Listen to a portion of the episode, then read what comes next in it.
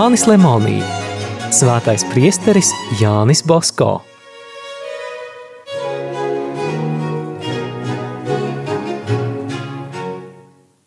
Ceturtās daļas devītā nodaļa – Svēts priesteris. Svēts priesteris – Katoļu priesterības lielumu nosaka trīs pārdabiskās varas – svētās mises celebrēšana, dvēseļu vadīšana uz svētumu un grēksūdzes pienākums. Priesteris, kas šos pienākumus labi veids, izpilda savu dieva piešķirto misiju un staigā pa svētuma ceļiem. Jānim Bosko priesterības pienākumi bija it kā otra dzīvība. Pie altāra viņš gāja sakopots kā eņģelis – Mācības sakot, viņš bija Kristus apustulis. Atrodoties bikskrēslā, viņš bija dieva žēlastību dalītājs. Slāpdams pēc dvēseļu pestīšanas, viņš visur ar vārdiem un ar paraugu sacīja svētrunas. Dienu un nakti, mājās un ceļojumā, viņš dvēselēm dalīja sevišķas dieva dāvanas. Par priesteriem viņš izteicās: Priesteris nedrīkst ilgoties nekā cita, kā vienīgi to, ko vēlas Jēzus Kristus. Jaureiz stāstījām, kā priesteris Bosko celebrēja svēto misi. Tagad nedaudz par to, kā Bosko pieņēma grēksūdzes un sprediķoja. Kad viņš vēl bija seminārists, Bosko daudzreiz vajadzēja sacīt sprediķus. Drīz viņš saprata, ka tautai mācības jāsaka vienkāršā valodā, un sāka šo valodas vienkāršību apgūt – Kļuvis priesteris Bosko nekad nesacīja mācību, iepriekš to neuzrakstījis. Visvairāk cilvēkus ietekmē tās mācības, kas vispirms ir pamatīgi pārdomātas un uzrakstītas. Šie ir Jāņa Bosko vārdi, kurus viņš izpildīja, kamēr vien dzīves apstākļi to ļāva. Vēlāk ar darbiem apkrauts, ar vislielāko gribu viņš nebūtu atradis laiku mācības uzrakstīt. Viņam tad atlika dažas minūtes, lai sagatavotos mācībai, un lūdzies esi sveicināta Marija, Bosko kāpa kancelē. Tomēr arī tad viņš runāja neparasti labi, aizrautīgi un saprotami. Viņš runāja lēni, gandrīz nelietodams žestus, bet viņa skaidrā, laipnā balss aizkustināja klausītāju sirdis. Arī tie, kas priestera Bosko mācības gāja klausīties tikai tukšas ziņkāres dēļ – Vēlāk bija spiesti atzīties, viņš runāja labi, jauki.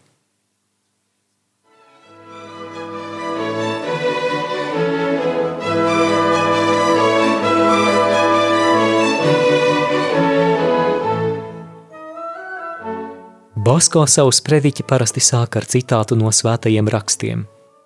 Vēlāk skaidri iezīmēja galveno svētrunas domu, izskaidroja svētku nozīmi – Pēc tam sāka izskaidrot svarīgāko patiesību.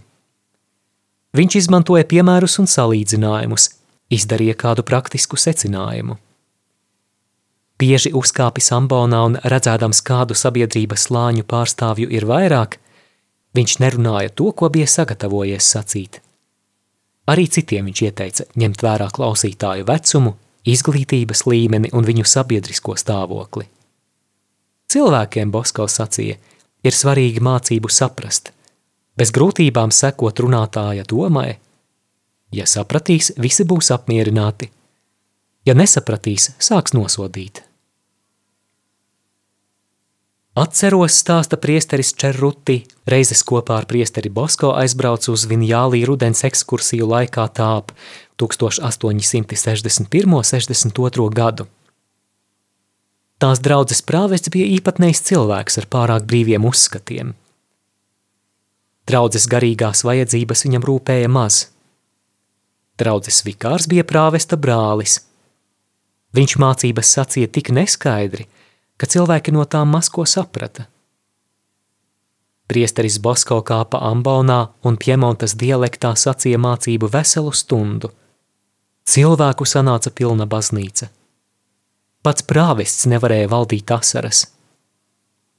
Kad priesteris Bosko nokāpa no kanceles, viņš piegāja, noskūpstīja Jānim Bosko roku un sacīja: Jūs Dievs atvedis nevis avis ar svēto iepriecinājumu padzirdināt, bet gan atgriezt viņu aizmigušo ganu. Dvēseļu pestīšana bija galvenais priestera Basko mācību mērķis. Reiz kādam salīdzjāņu iestādes direktoram viņš teica: Dzirdēju, ka viens no mūsu priesteriem sako daudz sprediķu. Jā, priesteri Basko, bet vai labi saka, kā zirņus bēr? Bet vai viņa sprediķi dod kādu labumu dvēselēm? To es priesteri Basko nevaru pasakīt. Redzu, ka viņas prediķus iet klausīties daudz cilvēku un visi aiziet apmierināti. Es jautāju, vai viņas prediķi atgriež dvēseles. To es nezinu. Labi, kādu laiku viņam aizliedz prediķot.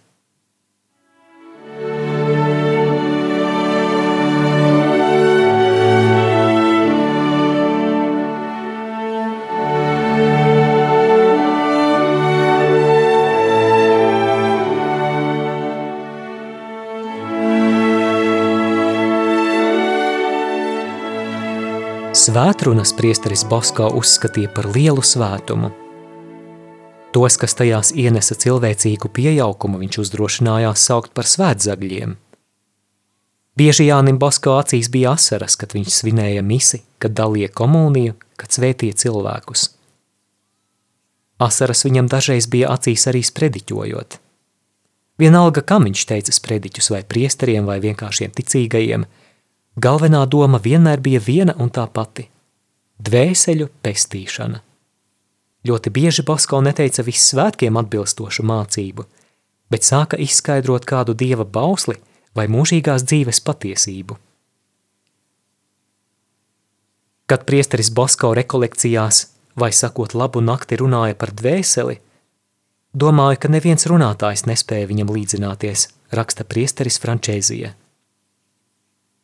Nav grūti secināt, cik daudz laba priesteris Bosko panāca ar savām mācībām. Piemontā nav nevienas pilsētas, kur viņš nebūtu sacījis sprediķi.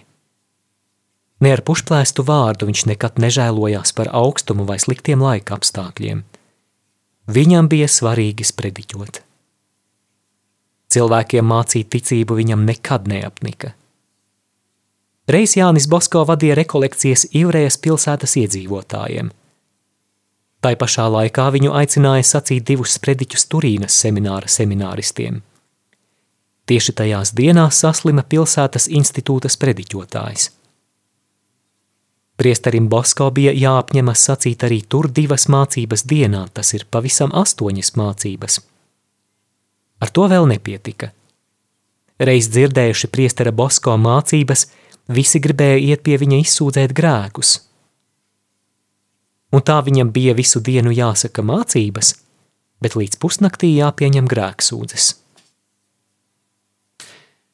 Ja vien viņam bija laiks, Bosko apciemoja arī vietējās valdības pārstāvjus, slimniekus, ģimenēs atjaunoja mieru, samierināja sanaidojušos. Vecie cilvēki priesteri Bosko mīlēja tādēļ, ka viņš tos cienīja – Kalpotāji un nabadzīgie tādēļ, ka viņš ar tiem laipni, bez augstprātības runāja. No kanceles priesteris Bosko nevienu neapkaroja. Arī bez cīņas viņš mācēja aizstāvēt ticību un baznīcas mācītās patiesības. Lūk, ko viņš teicis salīdzjāņiem. Ja tur, kur jūs aicina pasakīt mācību, ir malticīgie, izvairieties no asiem vārdiem, neapvainojiet tos, kas nomaldījušies lai jūsu vārdi ir mīlestības un piedošanas vārdi. Droši pierādiet atkritēju kļūdas un maldus, bet katoļu ticības patiesības pierādiet skaidri neiekarstot, lietojot pārliecinošus argumentus.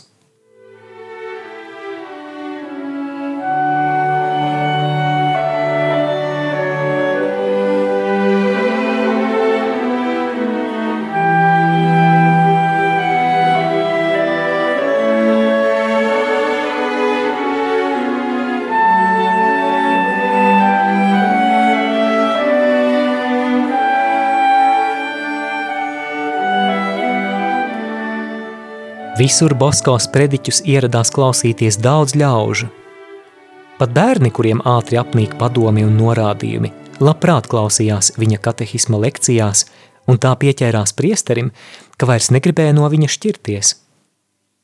Par to, kā priesteris Bosko ietekmēja ļaudis, liecina kaut vai šāds gadījums – Reiz viņš tika aicināts uz Lanjasko sacīt mācību svētā Kandida un svētā Severa svētkos. Viņš ceļā devās ļoti vēlu, vēl nēdis pusdienas. Vesperes jau bija nodziedātas, un cilvēki gaidies prediķi. Prāvests jau gatavojās kāpt kancelē, te lūk pēkšņi sakristējā parādījās priesteris Basko. Nebrītiņu nekavējies viņš sāka runāt. Pagāja vesela stunda, bet Bosko vēl stāstīja tikai par svēto kandidu. Viņš paskatījās pulkstenī un satrūkās. Domādams, ka visi noguruši, viņš gribēs prediķi beigt, bet cilvēki sāka pieprasīt, lai viņš runātu arī par svēto severu. Bosko pat nezināja, kā rīkoties. Prāvests iesaucās: Tautas balss, dieva balss! Bosko uzelpoja un vēl stundu stāstīja par svēto severu. Ticīgie bija apmierināti, ka varēja noklausīties tik garu un skaistu priestera Bosko mācību. Jēzus Kristus saviem apustuļiem bija sacījis: Sekojiet man, un es jūs padarīšu par cilvēku zvejniekiem. Priesteris Bosko dziļi izjuta šī aicinājuma cēlumu un kļuva par Turīnas venator animārum, dvēseļu zvejnieku kā agrāk tika saukts svētais Jānis de Rosī Romā. Piemontas galvaspilsētā Bosko dēvēja par garīgo tēvu, par grēksūdzes apustuli. Tas pilnībā atbilda patiesībai, jo viņš pieņēma grēksūdzes baznīcās, mājās, visur. Pīs devītais viņam bija piešķīris atļauju pieņemt grēksūdzi kvokunkve eklēsija loko, ikvienā baznīcas vietā – Šīs tiesības viņš plaši izmantoja. Kas gan spētu saskaitīt, cik daudz dvēselēs Jānis Bosko atjaunoja dieva žēlastību? Kur tik viņš nepieņēma grēksūdzes? Jau rakstījām par to, kā viņš atgrieza grēciniekus ceļojuma laikā, braucot pajūgā, staigājot pa pilsētas centru – Reizēm Jānim Bosko ejot pa pilsētu, kāds pazīstams vai nepazīstams cilvēks palūdza priesteri ieiet tuvākajā baznīcā pieņemt viņa grēksūdzi. Priesteris neatteicās, bet pēc grēksūdzes vairs nevarēja ceļu turpināt, jo pie konfesionāla jau stāvēja vesela rinda cilvēku. Jau no 1842. gada, kad viņš ieguva atļauju pieņemt grēksūdzes, Bosko savā piezīmju grāmatiņā ierakstīja – Ja vajadzēs pieņemt grēksūdzes un man būs maz laika, atlikšu breviāru, un ja vēl nepietiks, saīsināšu pateicības lūkšanu pēc mises. Pirmajā vietā jābūt grēksūdžu pieņemšanai. Viņš šo apņēmumu arī izpildīja.